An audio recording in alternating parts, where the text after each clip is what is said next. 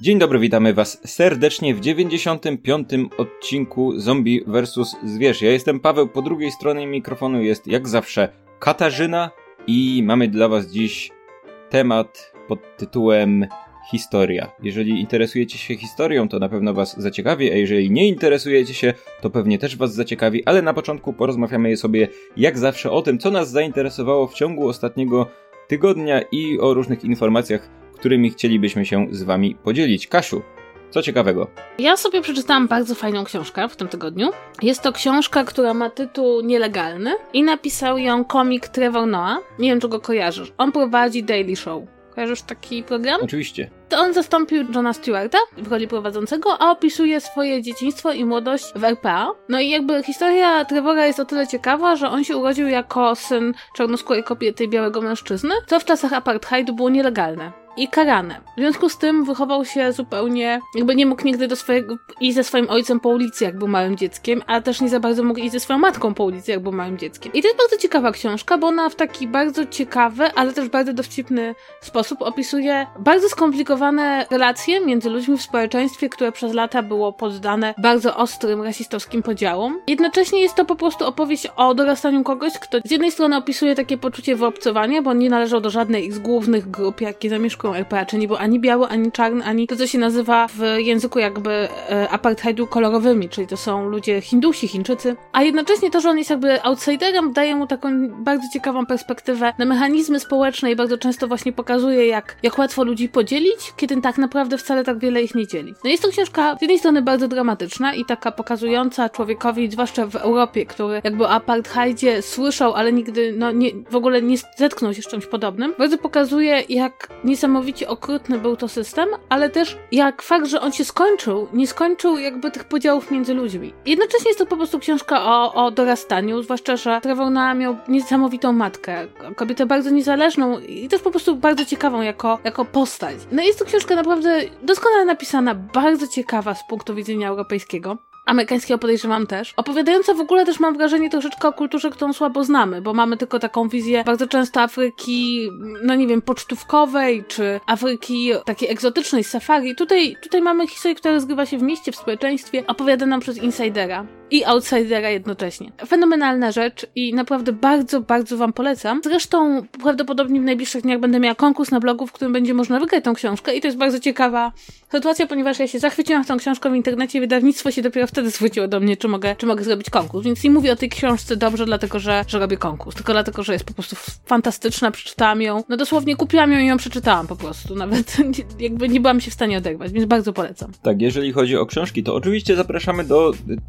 Ty powinnaś robić, ale zapraszam też ja również do podcastu Czytu Czytu, w którym pewnie coś więcej opowiesz o... Tak, mam taki zamiar, że, że, że opowiem trochę więcej i też, i też na przykład będziecie mogli dowiedzieć, dlaczego, dlaczego Trevor miał przyjaciela imieniem Hitler. Link do Czytu Czytu znajdziecie na stronie podsłuchane.pl, tak samo jak linki do wszystkich innych naszych podcastów. A, Kasiu, ja powiem ci tak, obejrzałem film. Ojej, brawo, jaki? Tak, obejrzałem film, ponieważ uznałem, że muszę nadrobić pewne braki w popkulturze, które wiem, że jakby dotyczące filmów, o których wiem, że mają duży wpływ na to, w jaki sposób postrzegamy rzeczywistość, a których nie widziałem. Dlaczego, dlatego obejrzałem film Green Lantern z Ryanem Reynoldsem. O mój Boże.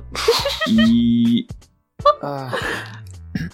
Znaczy, wszyscy wiemy, albo nie wszyscy, ale jeżeli ktoś nie wie, to wyjaśniam. Film Green Lantern to jest film na podstawie komiksu DC, w którym grał Ryan Reynolds, który z jednej strony w pewnym sensie pogrzebał postać Green Lanterna jako bohatera komiksowego, który mógłby się pojawić w kinie, a po drugie, no powiedzmy, długo się ciągnął za Ryanem Reynoldsem, nawet w filmie Deadpool, w którym z dużym sukcesem wcielił się w tytułowego bohatera. W, tym filmie pojawiają się odniesienia do filmu Green Lantern i jakby to jest film, który jest uważany za legendarnie zły film superbohaterski, więc zastanawiałem się tak naprawdę dlaczego. Co w tym filmie jest takiego złego, że aż, aż takie ma, taki ma negatywny PR powiedzmy. I od czego tu zacząć? Czy powiedz mi, czy ty widziałaś w ogóle ten film? Byłam na nim w kinie. Po co? okay. Ponieważ zanim go nie zobaczyłam, to jeszcze nie wiedziałam, jakie jeszcze, jest. Jeszcze nie wiedziałaś. No to ja to zrobiłem już wiedząc, ale nie spodziewałem się naprawdę tego.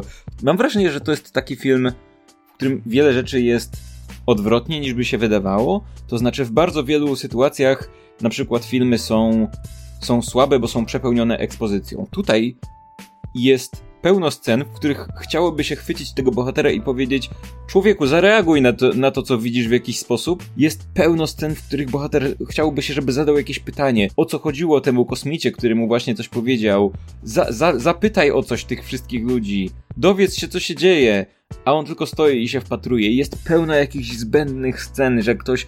Mam, mam wrażenie, że to jest taki film, przy którym nakręcono za mało materiału i potem trzeba go było wypychać jakimiś takimi scenami w rodzaju bohater patrzy w przestrzeń albo gdzieś idzie, albo rozmawia z kimś kompletnie o niczym.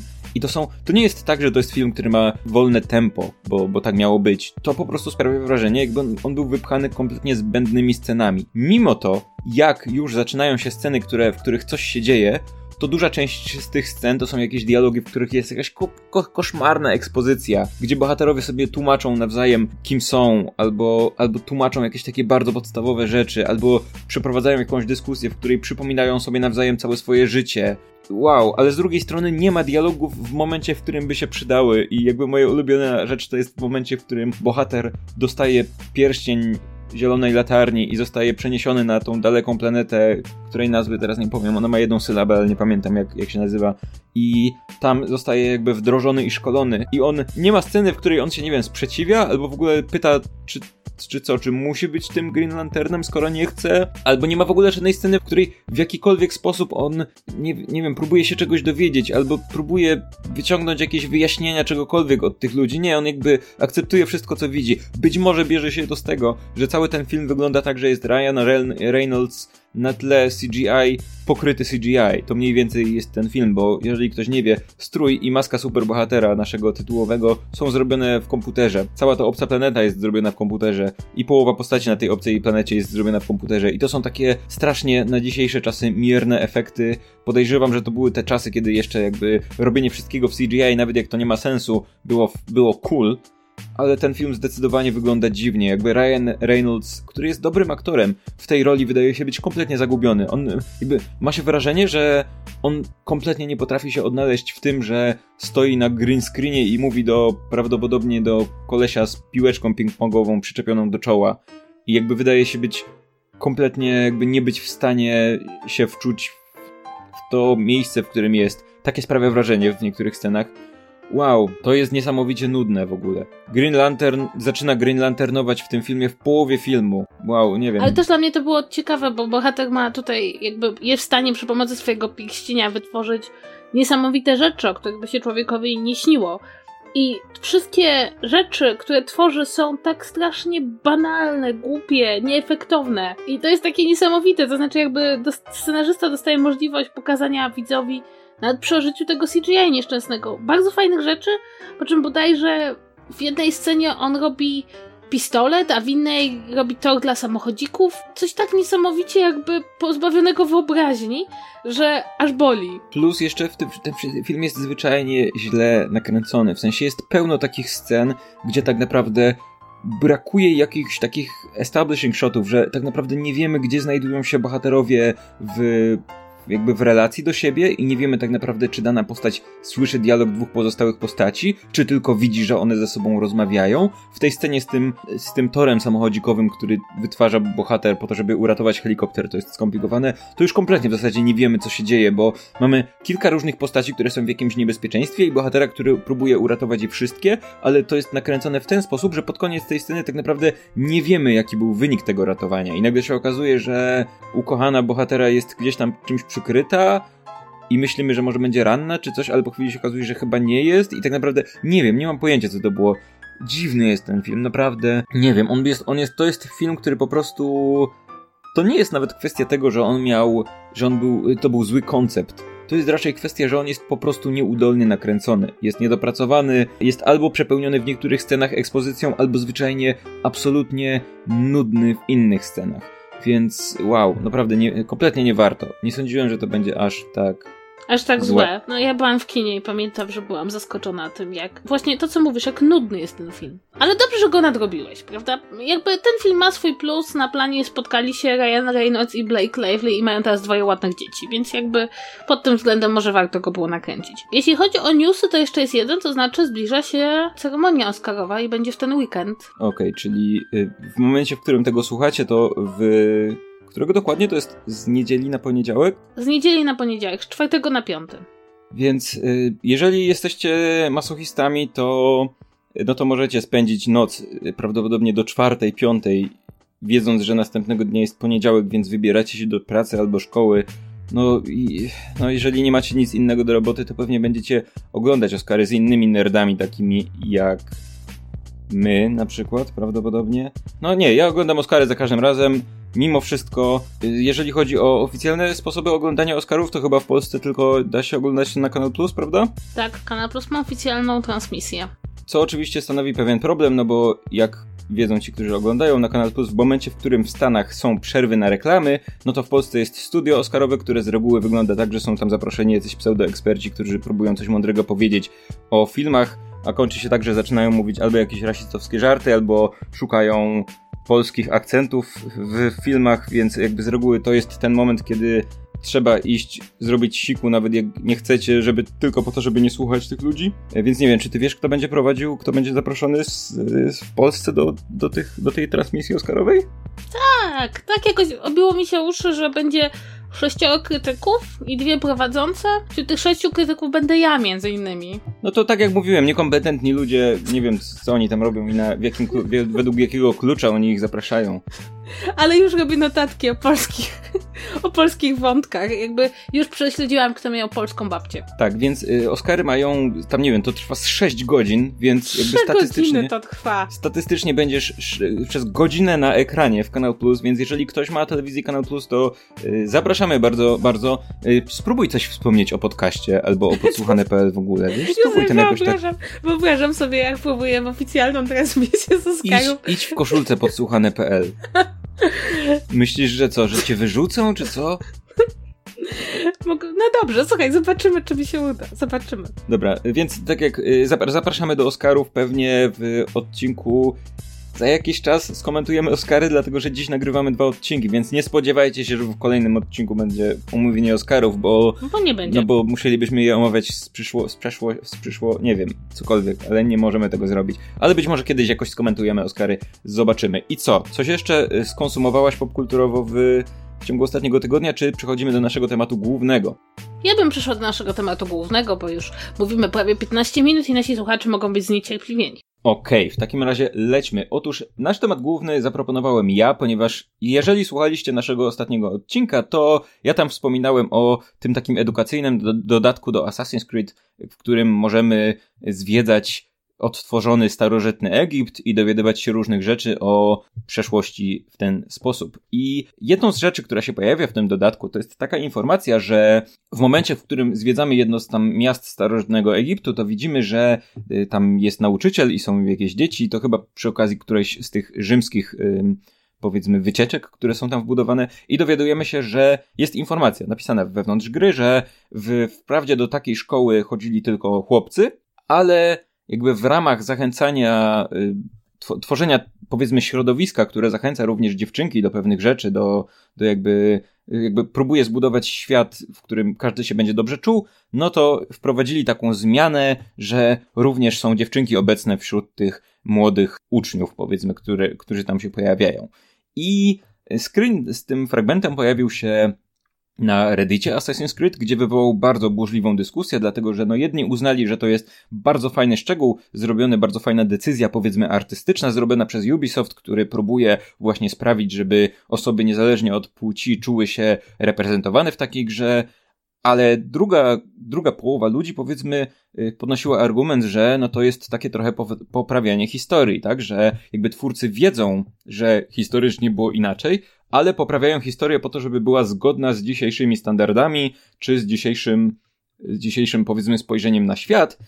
A to nie jest dobre, dlatego że historia i błędy, które popełnialiśmy i to skąd przychodzimy jako ludzkość, powinno być dla nas lekcją, a nie powinno być teraz obecnie jakby poprawiane y, retroaktywnie, bo, bo w tym momencie jakby dewaluujemy lekcję, którą możemy wyciągnąć z historii, wygładzając ją, w sensie historię, nie lekcję.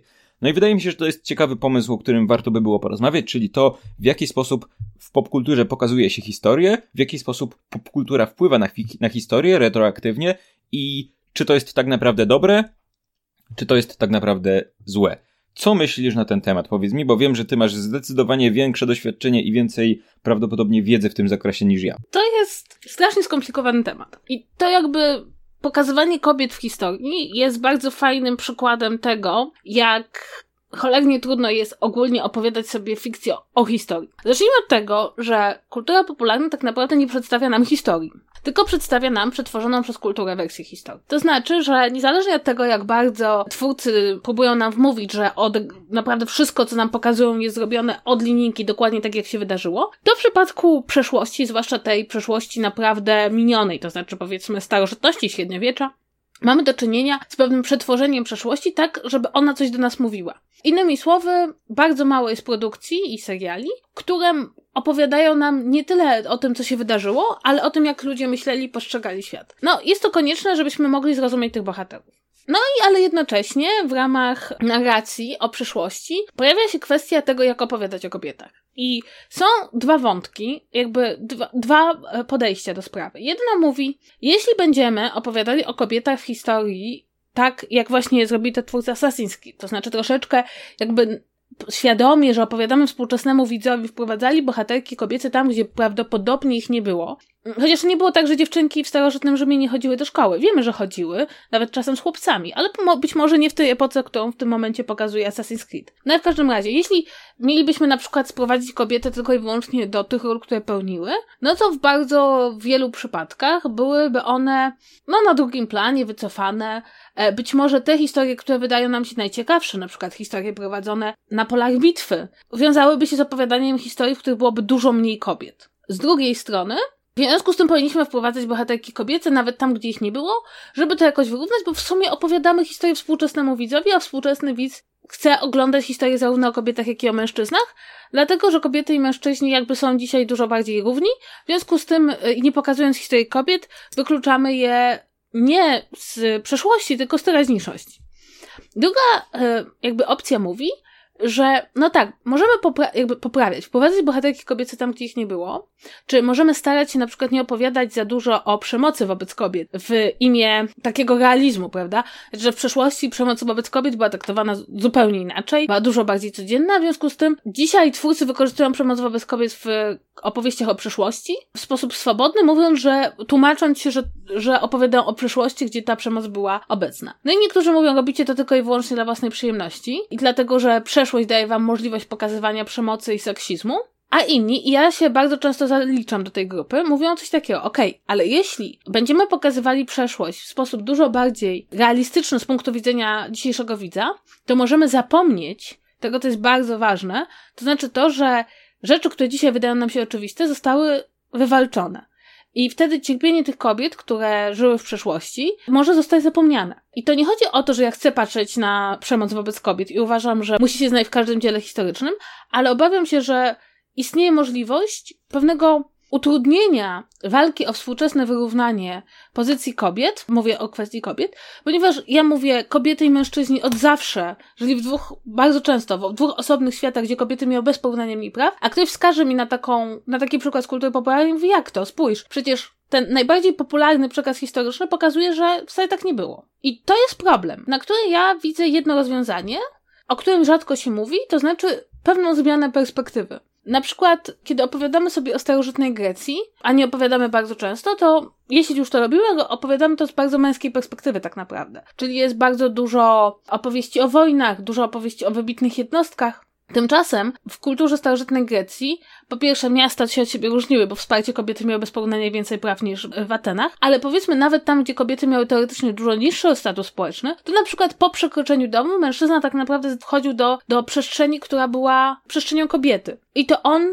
musiał, na przykład mógł sobie zorganizować sympozjon, czyli imprezę taką, no trochę wyższego, na wyższym poziomie, ale żeby to zrobić musiał poprosić żonę, żeby dała mu wino. I to jest właśnie to, czego nam bardzo brakuje. To znaczy nie tyle historii, poprawiania historii, żeby były kobiety tam, gdzie ich nie ma, ale troszeczkę zmiany perspektywy, bo tak naprawdę my sobie cały czas trochę opowiadamy historię z punktu widzenia mężczyzn, jedynie dodając do nich kobiety. A prawda jest taka, że prawdziwa, fundamentalna zmiana jest, kiedy nakierujemy kamerę na co innego. To jest zresztą kwestia taka, która nie tylko dotyczy samego przedstawienia świata, który widzimy powiedzmy na ekranie, tylko jest to też również kwestia podejścia postaci do rzeczywistości. To znaczy, jakby najprościej rzecz ujmując, jeżeli w ramach naszej współczesnej moralności, jakakolwiek ona by nie była, bo jakby powiedzmy, że widzowie 30 lat temu mieli inną, zresztą do tego wrócę za chwilę. Z punktu widzenia naszej moralności, jeżeli jakaś postać, która jest, która jest naszym protagonistą, jest niemoralna, no to trudno nam ją wspierać. Jakby nawet jeżeli w tamtych czasach takie zachowania były zupełnie normalne. Często jest więc tak, że nawet jeżeli film przedstawia na przykład świat, w którym powiedzmy występuje jakaś nierówność społeczna, to bardzo często jest tak, że jedną z cech bohatera naszego filmu, głównego bohatera, którego mamy szanować, lubić i tak dalej, i tak dalej, jest to, że on właśnie się temu sprzeciwia. I jak się tak przeanalizuje, to w bardzo wielu filmach historycznych bohaterowie mają zaskakująco współczesne poglądy w tym wszystkim. I tutaj zresztą to jest ciekawa sytuacja, bo trochę autoparodystycznie skomentowano to w ostatnim specjalnym odcinku Doktor Who, tym świątecznym, w którym doktor spotyka swój odpowiednik sprzed 50 lat, czyli, no bo jeżeli ktoś nie wie, to ten serial ma 50 kilka lat już teraz i ta wersja sprzed 50 lat, no ma takie podejście do kobiet jak, no jak ówczesna postać serialowa 50 lat temu, tak? Więc i to to podejście, które jakby wtedy widzów Doktor Who kompletnie nie, nie ruszało w żaden sposób, no tutaj jest obiektem pewnego zażenowania naszego współczesnego doktora. To znaczy, współczesna wersja doktora jest świadoma tego, że jego własna wersja z przed 50 lat w serialu, jakby mówi rzeczy, których nie powinno się mówić, albo traktuje postaci kobiece w sposób, w, których, w który nie powinno się ich traktować, a do tego jeszcze mamy trzecią postać, czyli granego przez Marka Gatisa, y, żołnierza z I wojny światowej, który ma jeszcze inne podejście do kobiet i które też jest jakby z jego punktu widzenia zupełnie naturalne. Takie, to, to jest podejście takiego, jeżeli ktoś nie oglądał, takich, takich rubasznych dowcipów na temat, na temat kobiet. I są to postaci jak najbardziej pozytywne, ale jednocześnie pokazują w jakiś sposób zmienia się podejście do tego na przestrzeni tak naprawdę no, no 100 lat powiedzmy, a co dopiero na przestrzeni kilku tysięcy lat się powinno zmienić. Tymczasem bardzo często w filmach dziejących się w historii, nie wiem, w starożytnym Rzymie, w starożytnym Egipcie itd., tak itd., tak okazuje się, że postaci mają bardzo współczesne poglądy, między innymi dlatego, że gdyby dano im podejście do świata właściwe dla ich czasów, to być może by się okazało, że nie jesteśmy w stanie się z tymi postaciami utożsamiać w jakikolwiek sposób. I z tego co wiem, ty masz, ty masz rozległe doświadczenie w kwestii Downton Abbey, tak? I, tak. I tego problemu, powiedzmy, w tym serialu? Tak, otóż ten serial jakby pokazuje bardzo dosyć wyraźnie, co się dzieje, kiedy próbujemy retroaktywnie opowiedzieć o grupie społecznej, która jest nam bliska. W tym przypadku scenarzysta Julian Fallows należy do wyższych klas społeczeństwa angielskiego, opowiada o wyższych klasach społeczeństwa angielskiego i robiąc to w pewien sposób, nie chciałabym powiedzieć wybiela, ale pokazuje bardzo wiele zachowań, które są mało prawdopodobne, ale sprawiają, że wzbudzają naszą sympatię do bohaterów. I tak na przykład, pomijając stosunki klasowe, jakie tam mamy, to znaczy to, że, prawda, utwierdza się nas w przekonaniu, że ta służba bardzo kocha swoich państwa i ci państwa bardzo kochają swoją służbę, no to między innymi mamy tam problem homoseksualizmu, gdzie okazuje się, że jeden z służących jest homoseksualistą, no i trzeba pamiętać, że to są czasy, w których homoseksualizm jest karany więzieniem. W Wielkiej Brytanii jest przestępstwem, co jest jakby było przez bardzo wiele lat wielką tragedią homoseksualistów w Wielkiej Brytanii. A tutaj Lord zamiast zwolnić tego służącego, czy nawet potraktować tą sytuację w sposób, który najprawdopodobniej byłby oczywisty w tych czasach, to znaczy, że doniesie się na niego na policję no to Lord mówi, och, nie takie rzeczy, gdybym miał zwalniać każdego, robić raban o każdego, kto próbował mnie pocałować, a ja tam skończyłem Cambridge, to co tam się nie działo w tym Cambridge. I oczywiście to jest taki sposób myślenia, który ma sprawić, że myślimy sobie, okej, okay, są jacyś rasiści w tym świecie, ale to nie jest nasz lord. Mamy scenę, w której młoda dziewczyna e, z towarzystwa zakochuje się w czarnoskórym piosenkarzu. No i oczywiście przychodzą, przychodzi do niego Lady i mówi, no słuchaj, nie możesz wziąć ślubu z tą dziewczyną. A tamten mówi, no co, Lordowi Grantamowi przeszkadza, że jestem czarnoskóry. A on mówi z takim oburzeniem, no coś ty, coś ty o nas myślisz, mu przeszkadza, że jesteś muzykiem. I to sprowadza do pewnego takiego dowcipnej sceny. Olbrzymi problem, jakim było to, że Jasne było, że ówczesna rodzina arystokratyczna w Wielkiej Brytanii no nie dopuściłaby, żeby dziewczyna wzięła ślub z czarnoskórym mężczyzną. Tak samo mamy wątek antysemityzmu. Ponownie, antysemityzm był kiedyś rzeczą bardzo powszechną i nie, nie był wyznacznikiem tego, czy ktoś jest dobry, czy zły. Po prostu antysemityzm był powszechny. Bardzo, zresztą w Wielkiej Brytanii, gdzie była stosunkowo mała społeczność żydowska, bardzo wyraźny. I co? Oczywiście ta dziewczyna, która wcześniej chciała wyjść za czarnoskórego chłopaka, potem zakochała się w pięknym żydowskim chłopaku. No i oczywiście jedyna postać, która podnosi wątek tego, że no nie fajnie, że taka dziewczyna z dobrej rodziny wychodzi za Żyda, no to oczywiście to jest jakaś paskudna po prostu raszpla z drugiego planu. I to jest właśnie bardzo ciekawe, to znaczy, jak się każdy z tych wątków pojedynczo mógłby ewentualnie funkcjonować, prawda? Nie, nie każdy w serial musi rozgrywać każdy problem społeczny, ale kiedy każdy po kolei cecha, która z dzisiejszego punktu widzenia wydaje nam się negatywna, zostaje odrzucona i jest powiedziane, to nie ci dobrzy bohaterowie tacy byli, tylko ci inni.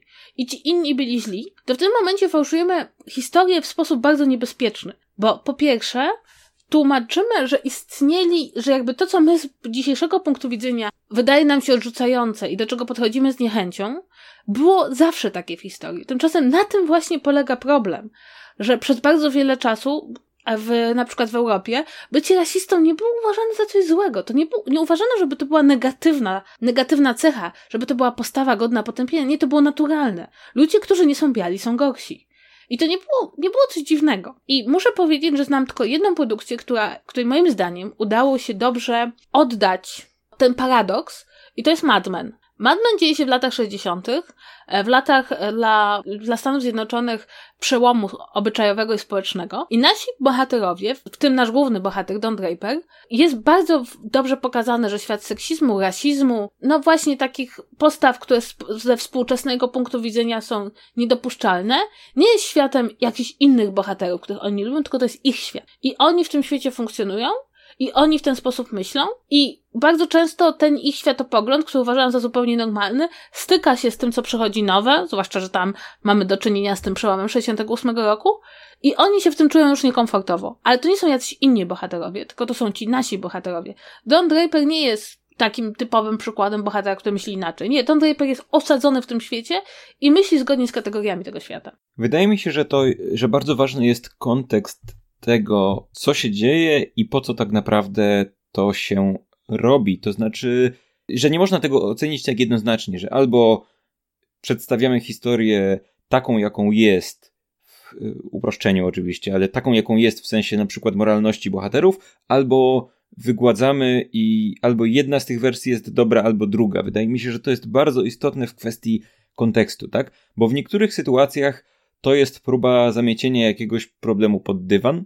W innych sytuacjach to jest próba stworzenia po prostu produkcji, która ma być lekka, tak? Niekoniecznie każda produkcja filmowa musi, czy, czy serialowa musi prowadzić do przemyśleń na temat mo ówczesnej moralności bohaterów, czy czegoś takiego. No czasem po prostu to jest, nie wiem, historia, która ma stanowić jakąś komediową opowieść i niekoniecznie twórcy uznają, że jest tam miejsce na tego typu sytuacje, więc jakby przenosi się niejako w ramach konwencji, przenosi się współczesną moralność na tamten grunt i nikt tego nie traktuje tak do końca serio. W przypadku tego, o czym zaczęliśmy, czyli Assassin's Creed, no twórcy jakby usprawiedliwiają to w ten sposób, że w tę grę, a zwłaszcza w ten tryb edukacyjny będą grały, czy, czy będą jakby z niego korzystały dzieciaki w szkołach, więc jakby pokazując między innymi małym dziewczynkom historię, no, no chcieli pokazać ją w ten sposób, żeby one nie czuły się, że to nie jest ich świat, w którym nie pojawiają się dziewczynki, czy coś takiego, więc to jakby też jest kontekst, który wydaje się być w porządku, ale z drugiej strony, no w sytuacji, w której mamy do czynienia z produkcją,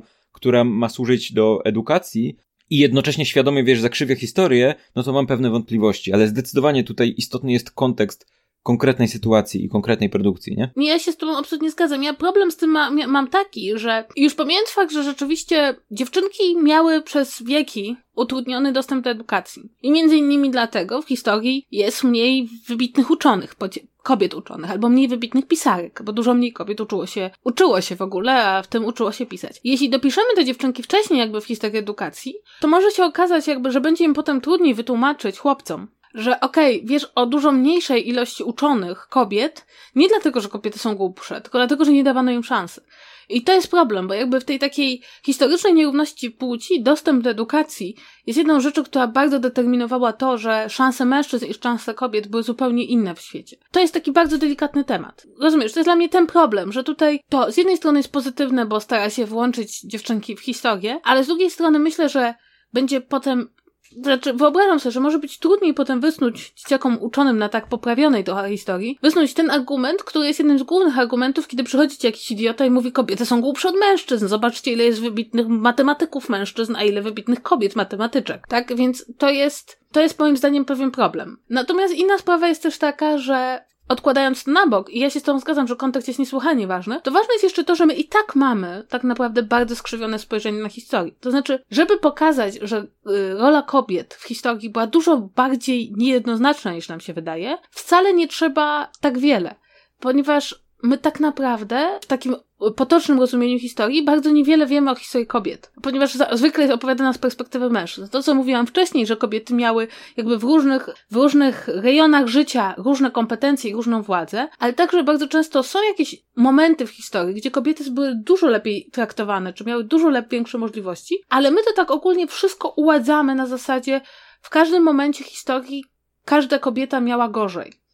Tymczasem, no, nie zawsze, nie w każdym, nie na każdym poziomie społecznym, nie w każdej warstwie społecznej, nie w każdym kraju. I mi się wydaje, że tego trochę brakuje. Znaczy, nie musimy o, nie, niekoniecznie musimy dopisywać jej do historii, możemy zacząć wyciągać z historii to, co z różnych powodów nie było w niej opowiadane, bo też musimy o tym pamiętać i to po, proponuję sobie wbić do głowy raz na zawsze. Tak naprawdę historia jest opowieścią, którą snujemy sobie, my ludzie, że zawsze, prawie zawsze, żeby coś osiągnąć. Jeśli państwa snują opowieść o swojej historii, to bardzo często robią to, żeby udowodnić, że są lepsze od innych państw, albo żeby wzbudzić nas uczucia patriotyczne. E, także poszczególne osoby zajmujące się poszczególnymi działami historii bardzo często próbują wmówić nam, że jakiś dział historii był decydujący, a właściwie bardziej decydujący o losach świata niż inny. My sami znamy historię głównie z europejskiej perspektywy, w związku z tym inne wydarzenia, inne postacie będą dla nas ważne, kochane, znienawidzone, najważniejsze na świecie, ale potem jedziemy do Afryki, okaże się, że nasza, nasza historia Europy jest dla nich w ogóle niezrozumiała czy długorzędna. Więc to trzeba pamiętać, że my istniejemy w takim przekonaniu, że historia była, a tak naprawdę to jest ciągle opowiadanie sobie na różne potrzeby. W związku z tym możemy opowiadać sobie o tym troszeczkę inaczej. I to jest moim zdaniem ważniejsze niż jakby poprawianie historii. Nauczenie się opowiadać o niej trochę inaczej. No, inną kwestią jest też to, o czym mówiłaś na początku, że my tak czy siak odbieramy bardzo często historię przez pryzmat popkultury, która to popkultura tak czy siak zakrzywia tę historię. I bardzo często jest tak, że rzeczy, które uznajemy za prawdę historyczną, są już przetworzone przez popkulturę, stąd na przykład pojawia się kwestia osób ciemnoskórych w średniowieczu. To znaczy, jeżeli tylko pojawi się ciemnoskóry rycerz w jakiejkolwiek historii rozgrywającej się w średniowieczu, nie wiem, w Królu Arturze, w którym, przypominam, są ogromne słonie i węże, jeżeli pojawi się tam ciemnoskóra postać, to już za chwilę ktoś krzyczy, że to nierealistycznie, bo przecież w średniowieczu no nie było osób ciemnoskórych. A jakby wydaje mi się, że w dużej części to spojrzenie na średniowiecze i to, że tam w zasadzie wszyscy byli biali i piękni, no bierze się z tego, że no przez lata mamy popkulturę przekazującą, pokazującą nam średniowiecze dokładnie w taki sposób. Po czym jak się zacznie czytać, to się okazuje, że kurczę, tych, tych ciemnoskórych wcale nie było tak mało w tej średniowiecznej Europie. Więc myślę, że to jest tak, że ludzie odbierają to, co jest historycznie realne albo akuratne, o tak powiem, bo to jest takie ładne tłumaczenie słowa accurate, jest takie akuratne historycznie, często przez pryzmat swojego wyobrażenia o historii, które również niekoniecznie jest prawdziwe. Więc tak naprawdę to jest, no nie wiem, znaczy próbuję gdzieś coś, coś wyciągnąć, jakiś wniosek z tego, co mówię, ale chodzi mi o to, że tak naprawdę na to, jak odbieramy historię i co uważamy za ważne w niej, albo nieważne, albo co uważamy za realistyczne, albo nierealistyczne, to jest już i tak, tak mocno przetworzone, że w zasadzie nie jesteśmy w stanie mieć takiego pełnego kontekstu. Jakby zawsze analizujemy to, co popkultura czy kultura nam pokazuje o historii, już odbieramy na bazie tego, co już znamy z popkultury na temat historii, a tak naprawdę nie na bazie faktycznej historii, bo większość z nas zna historię na podstawie jakichś wybranych kawałków, które ktoś inny uznał za ważne, albo jeżeli mówimy o popkulturze, na podstawie jakichś konkretnych schematów, które były w, w danym okresie popkultury, powiedzmy modne, czy czy ważne i pojawiały się w filmach, książkach, grach i tak dalej, i tak po czym tak naprawdę nagle się okaże, że można wyciągnąć z tej historii inny klocek i pokazać nam zupełnie inną jej stronę. I niekoniecznie trzeba popra- poprawiać te inne rzeczy, tylko czasem warto pokazać w innym, wskazać palcem w innym miejscu i nagle się okaże, że jest tam coś, czego nigdy nie widzieliśmy, dlatego że no popkultura nie, zwróciła, nie zwróciła naszej uwagi na to coś. No ja wam podam przykład świetnej rzeczy, którą wszyscy wiemy jak wyglądała, a tak naprawdę zupełnie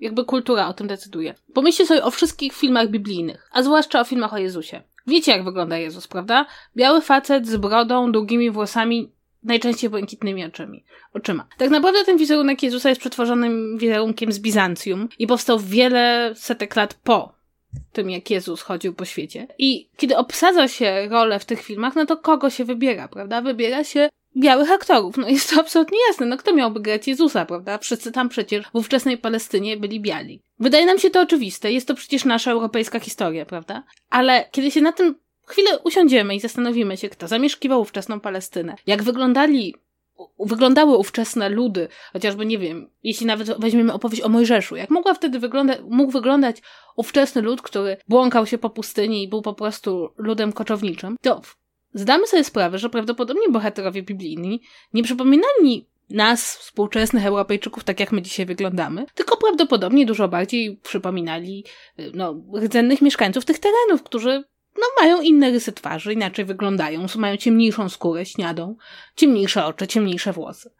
Ale gdyby ktoś kiedyś zdecydował się w ten sposób przedstawić nam je historię biblijną czy historię Jezusa, poczulibyśmy się dziwnie, poczulibyśmy się, że ktoś spróbuje nam sprzedać jakąś nieprawdziwą wizję, bo ma za tym jakiś polityczny interes. Ponieważ tak bardzo utrwaliliśmy sobie w głowie pewną wizję, która jest obecna w kulturze, że uznajemy ją za absolutnie normalną i oczywistą. Nawet jeśli prawdopodobnie jest dosyć daleko od prawdy, tego jak to wyglądało. I nie da się od tego odejść, dlatego że wszyscy żyjemy w pewnych punktach kulturowych odniesień. Tak samo jak, żeby wam pokazać jeszcze na innym przykładzie, jak bardzo inaczej historia rozgrywa się w naszych głowach, to jak jeszcze teraz jesteście dorośli, przeczytajcie jeszcze raz Dzieci z Bullerbyn. To jest najbardziej szokująca książka na świecie, bo ona się dzieje w czasie II wojny światowej. I kiedy sobie zdasz sprawę, że jedna z najbardziej sielskich opowieści o dzieciństwie, takim cudownym, ciepłym dzieciństwie, rozgrywa się w czasie II wojny światowej i porównamy to z historiami, które o tym okresie są pisane w Polsce, to zdamy sobie sprawę, jak bardzo jesteśmy zakorzenieni w kulturowo w pewnym odczytaniu historii, w tym jak pewne postacie wyglądają tak, jak wyglądają, jak pewne zjawiska mają określoną wagę i jak bardzo inaczej tą samą, ten sam okres, tą samą historię mogą postrzegać ludzie nawet stosunkowo blisko siebie, bo przecież Szwecja też jest w Europie. Tak, wydaje mi się, że to pytanie, które powiedzmy gdzieś nam tu wisi w, w trakcie tego nagrania, czyli tak naprawdę, czy takie modyfikowanie historii retroaktywnej jest dobrym czy złym pomysłem, chyba zostawimy bez odpowiedzi takiej jednoznacznej. Wydaje mi się, że tak naprawdę to nie jest pytanie, na które jest odpowiedź pod tytułem tak albo nie. To jest pytanie, na które jest po pierwsze, tak jak mówiłem wcześniej, odpowiedź to zależy, ale po drugie, ważne według mnie i wydaje mi się, że to powinniście wyciągnąć z tej naszej dyskusji, jest to, że tak naprawdę to nie chodzi o to. To chodzi o to, że my zarówno przez kulturę, jak i popkulturę, jak i wszelkie inne możliwe formy odbieramy historię już w sposób zakrzywiony. I najważniejsze jest to, żeby mieć świadomość, że ten sposób jest zakrzywiony i próbować ją odczytać ze świadomością tego, że to jest jakaś forma interpretacji zmodyfikowanej przez kolejnych ludzi, przez kolejne filtry, powiedzmy, i że nie, nie możemy traktować tego, co my uważamy o historii, jako jedyny słuszny wizerunek, który przekazuje nam przekazuje nam jakby jedną konkretną informację, bo nagle się okaże, że możemy się przenieść do innego kraju i porozmawiać o tej samej sytuacji historycznej, o tym samym momencie w historii, nagle się okazuje, że ktoś w innym kraju ma na tę samą sytuację zupełnie inne spojrzenie. Ba, może się okazać, że możemy zapukać do sąsiada w, naszym, w naszej kamienicy i okaże się, że sąsiad ma zupełnie inne spojrzenie i zupełnie inaczej odbiera pewne rzeczy, albo zupełnie inne rzeczy są dla niego prawdziwe albo nieprawdziwe, dlatego że konsumował inne media, chodził do innej szkoły, miał innego nauczyciela itd., tak itd. Tak Wydaje mi się, że interpretując historię i, i w ogóle cokolwiek, co się dzieje w przeszłości, popkulturę, która ma miejsce w przeszłości, postaci itd., tak itd., warto mieć świadomość tego, że odbieramy jakąś interpretację przetworzoną zarówno przez konkretnych twórców, jak i przez nasze mózgi y, i nasz indywidualny odbiór pewnych rzeczy, jak i przez społeczeństwo i to, w jaki sposób ono odbierało historię przez lata i jakby warto o tym myśleć w ten sposób. Tak mi się wydaje, że to jest taki wniosek końcowy mój. Tak, i to jest bardzo słuszny wniosek końcowy i naprawdę nie dajcie się nabrać na to, że ktoś ma patent na prawdę historyczną. Bo zwykle oznacza to, że ma patent na jakiś, jakąś interpretację historii. I to, co mówił Paweł, zawsze zadawajcie sobie pytanie, po co, dlaczego i jak ktoś opowiada wam historię o historii. I co? To tyle od nas w tym tygodniu. Możecie do nas napisać, jak uważacie, co, co, jaki powinien być wniosek w tym temacie, a może macie jakieś inne przykłady dobrych albo złych według was retroaktywnych zmian w historii. Nasz mail, jak zawsze, stoi przed wami otworem kontakt małpa zombie versus Myślę, że za jakiś czas zrobimy sobie odcinek z odpowiadaniem na maile, bo... Bo dawno tego nie robiliśmy, tak. Poza tym polubcie nasz fanpage facebook.com podsłuchane.pl to jest fanpage naszego, naszej sieci podcastów podsłuchane.pl, gdzie również znajdziecie inne nasze podcasty, w których my albo ktoś inny bierze udział. Jeżeli chcecie nas jakoś wesprzeć, to macie sklep podsłuchane.pl sklep, gdzie między innymi możecie kupić koszulki z logo Zombie vs. Zwierz i oczywiście zostawcie nam ocenę i najlepiej recenzję w iTunes. Możecie tam nam napisać, jak bardzo nas lubicie, albo nie lubicie, ale jeżeli nas nie lubicie, to chyba nie dosłuchalibyście do tego momentu. Okej, okay, i co? To tyle od nas w tym tygodniu. Słyszymy się za tydzień. Pa, pa!